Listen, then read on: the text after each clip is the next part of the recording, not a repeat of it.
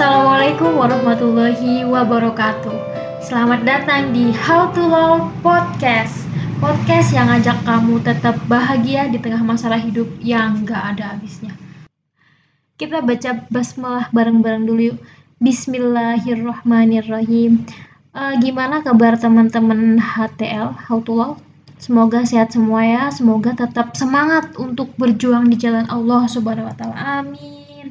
Alhamdulillah bisa nyapa lagi di episode kali ini yang bakal ngebahas topik ringan yang sering dibahas juga sih tapi worth it sih buat disimak lagi dan lagi. Apa topik kita malam ini? Yaitu apakah privilege benar-benar penting dan berpengaruh dalam hidup? Karena akhir-akhir nih ya eh, banyak banget yang ngebahas tentang privilege ini atau keistimewaan. Mungkin kita cari dulu ya, apa sih sebenarnya arti dari privilege. Kan privilege ini bahasa Inggris ya. Kita cari dulu privilege ini sama siapa ya? Tuh kan. Dia itu uh, privilege having special rights advantage or immunities. Mempunyai sesuatu yang khusus hak spesial gitu. Dia mempunyai kelebihan. Having the rare opportunity to do something that brings particular pleasure mempunyai kesempatan yang jarang dimiliki oleh orang lain untuk melakukan sesuatu yang membawa kebahagiaan tertentu. Namanya juga privilege ya, keistimewaan. Pasti ini tuh uh, spesial untuk beberapa orang saja. Akhir-akhir ini kan kita sering hmm, aku sih aku sering lihat ya kayak di FYP TikTok itu kan gue kerjaan sehari-hari scroll TikTok tuh banyak uh, yang masalahnya tentang privilege ini nih ketika ada pembicara seminar yang ngomong kayak misalnya dulu tuh saya apa begini begini begini. Padahal mah dia punya privilege gitu kan. Sebenarnya kalau para motivator gitu ngomong kayak gitu ya mereka nggak salah ketika mereka punya privilege dan mereka bawa-bawa itu di uh, pembicaraan mereka karena itu real yang mereka alamin gitu. Nah kita sebagai pendengar sih menurut aku ya kudu bijak lah ya. Karena itu privilege dia uh, dia nasibnya bagus baik ya udah mau gimana lagi kita ya. Sebagai pendengar motivasi ambil aja sih positifnya gitu kan. Uh, anggap aja dia tuh motivasi kita bahwa kalau emang kita nggak punya privilege seperti dia ayo kita kita yang ciptakan nih.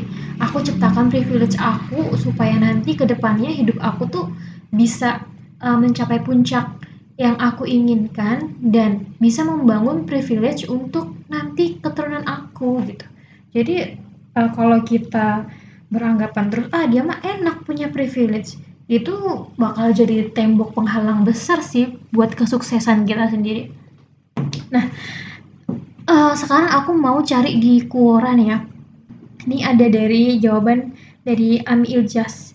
Dia seorang entrepreneur di sini dia nyeritain kalau dia tuh punya temen yang pintar pintar tapi uh, sayangnya tuh nggak keterima di univ negeri ya. Terus keluarganya tuh juga sederhana keluarga yang menengah ke bawah lah ya. Nggak punya privilege. Tapi alhamdulillahnya dia masih keterima masih di univ swasta ya. Meskipun univnya kecil tapi ya lumayan lah. Meskipun dia juga biayanya pakai biaya sendiri gitu.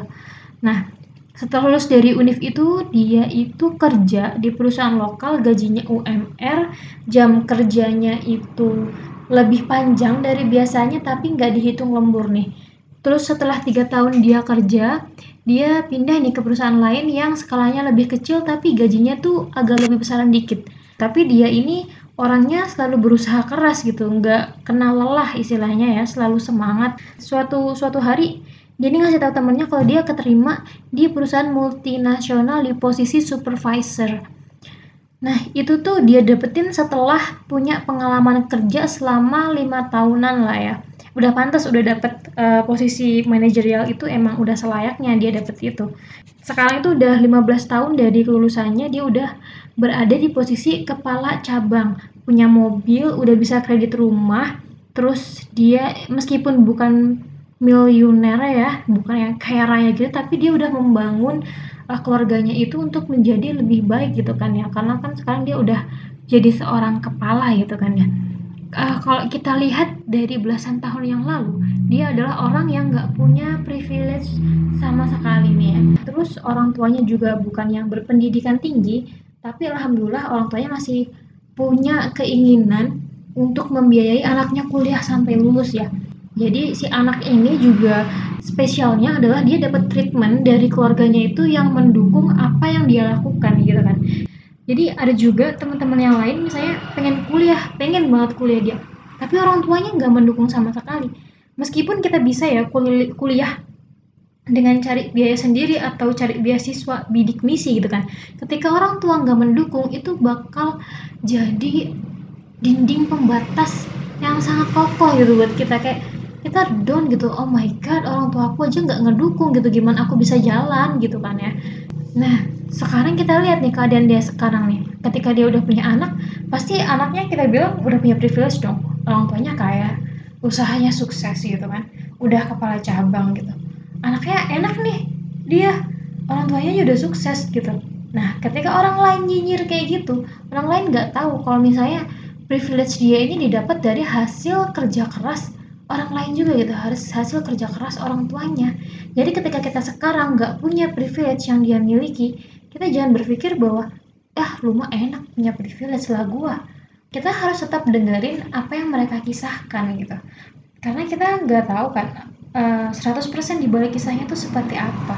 Meskipun dia punya privilege, tapi privilege itu juga dibangun oleh orang tuanya. Maka yang harus kita ambil adalah uh, kita juga berusaha nih untuk membangun privilege tersebut gitu, agar kehidupan kita di masa depan itu yang enggak melulu flat atau malah curam gitu ke bawah, tapi naik ke atas, sehingga uh, kita bisa menciptakan privilege untuk masa depan kita dan untuk keturunan kita itu kan. Kita nggak mau ya selama lamanya kita hidup dengan uh, kondisi yang stuck kayak gini aja. Terus kita lanjut nih uh, di pembahasan tadi yang di Quora ada beberapa bahasan nih yang pertama namanya intergenerational mobility yaitu pergerakan atau upgrade keluarga per generasi. Nah, ini yang aku bilang tadi. Artinya seberapa mampu orang tua kalian memban membangkit batang terhadap apa yang maksudnya sehingga kalian lebih tajir lagi daripada mereka jadi maksudnya sebe, uh, seberapa mampu orang tua kita tuh mengangkat derajat kita. Gimana ya? Derajat derajat sosial apa? Maksudnya ya mengangkat derajat kita itu di sini bukan derajat apa ya? Lebih tajir lagi daripada mereka lebih kesuksesan maksudnya. Apakah lebih sukses daripada orang tua kita atau enggak gitu? Apakah orang tua kita tuh mampu melakukan hal seperti itu gitu tentunya uh, untuk mengangkat derajat tersebut harus seimbang lah ya antara kerja atau usaha orang tua dan usaha kita nih sebagai seseorang yang akan didongkrak uh, derajatnya gitu. Kalau orang tua udah mau berusaha, maka kita juga mengimbangi usahanya ya dengan begitu keluarga kita nantinya akan juga bisa punya privilege seperti orang-orang yang kita lihat sekarang. Nah, yang kedua ada intragenerational mobility, yaitu pergerakan kehidupan seseorang dari satu kehidupan dia. Misalnya, dia tinggal di rawa badak dari kecil sampai tua di situ terus dengan pekerjaan biasa aja, kehidupan biasa aja, atau ada juga yang lain di kota kecil lalu pas besar tinggal di apartemen di sebuah kota besar mengendarai mobil mewah dan lainnya. Jadi apakah pergerakan hidupnya itu vertikal atau lebih sukses atau lebih bangkrut misalnya. Nah, horizontal juga di mana yang mereka berpindah profesi tapi secara garis besarnya masih sama gitu. Apakah kehidupan kita ini jalurnya itu bakal vertikal atau horizontal atau gelombang gitu naik turun? Ya yang menentukan kita gitu. Apakah kita bisa punya privilege? Bisa. Semua orang punya privilege. Privilege loh keistimewaan kan? Kalau kita nggak punya coba kita renungkan lagi apakah kita punya privilege kan nggak harus harta nggak harus apa nggak harus latar belakang pendidikan tuh enggak yang penting itu adalah sesuatu keistimewaan kita yang jarang dimiliki orang lain atau hanya beberapa orang yang memiliki itu bisa kita anggap sebagai privilege. Orang-orang yang punya privilege kayak misalnya mau di Ayundan ya mau di Ayundan ini kuliah di luar negeri gitu. Tapi kita lihat latar belakang keluarganya itu emang udah berpendidikan bagus ya. Sadar pendidikan terus didukung juga dengan biayanya gitu. Enak gitu kayak mulus gitu kan jalannya untuk kuliah ke luar negeri. Sedangkan buat saya yang anak petani gitu anak kampung anak desa orang tua saya bukan yang berpendidikan tinggi gitu. Uang juga nggak berkecukupan kok untuk biaya kuliah di luar negeri ya. Ketika ngelihat mau di Ayunda tuh bakal ada orang yang mikir alamak dia mah enak punya privilege. Orang tuanya kaya berpendidikan tinggi sadar. Kuliah di sekolah eh sekolah di international school lah gua.